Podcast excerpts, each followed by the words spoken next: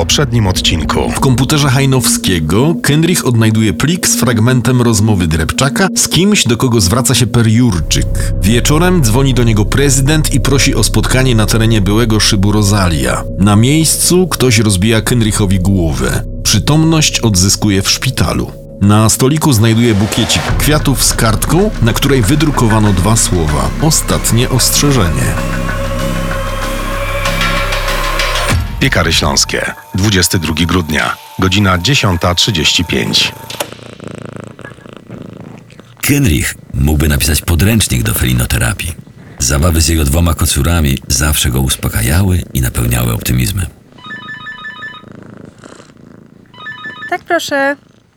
Marcin, pani Lucyna Szulc do ciebie. Ogarnęła go fala złości, której nie powstrzymałoby nawet stado najsłodszych kociąt z reklamy czekoladek. Masz czelność przyjść do mojego domu po tym, co się stało? Nie rozumiem. To przypadek, że wysyłam ci nagranie Jurczyka, a kilka godzin później facet śpiewający piosenkę, którą rzekomo słyszałaś od swojego ojca, rozwala mi łeb? Marcin, ja od dziecka wiem, że jest adoptowano.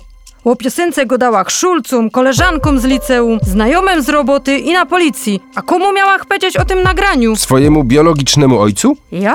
A w to nim jest. Zrozumiał, że przeszarżował. Przeprosił Lucynę, a wybuch złości próbował wytłumaczyć napiętymi nerwami. Po godzinie z chmur po raz pierwszy od wielu dni wyjrzało słońce. Redaktor postanowił wyjść na spacer. No nie. Dzień cudów. Powiedział do siebie na widok Jerzego Kinszasy, który na parkingu przed jego blokiem z niejakim wysiłkiem i dyskretną pomocą szofera wysiadał z luksusowej limuzyny. Spojrzał z troską na zabandażowaną głowę redaktora.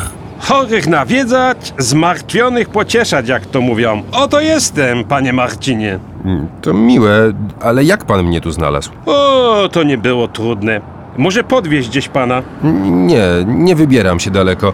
Samochód zostawiam na parkingu. Kenrich wskazał swoją dwudziestoletnią Skodę.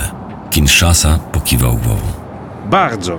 Ale to bardzo poświęca się pan dla pracy, a zupełnie nie dba o swoje korzyści, że tak powiem.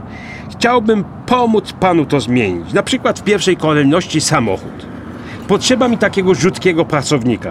Proszę przejść do mnie, a pana zarobki wzrosną kilkukrotnie. Kenrich grzecznie odmówił.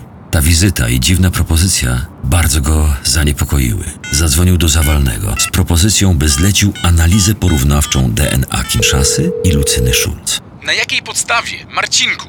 Nie ma najmniejszej poszlaki, że to Jurczyk. Sprawdziliśmy też tego prezydenta, to nie on dzwonił do ciebie. Ktoś spreparował jego głos. Redaktor nie dawał za wygraną. Kilka miesięcy temu poznał wybitnego specjalistę od idiolektów. Dysponował radiowym wywiadem z Kinszasą i zgranym na dyktafon głosem Jurczyka z kasety magnetofonowej. Naukowiec zgodził się na wstępną analizę.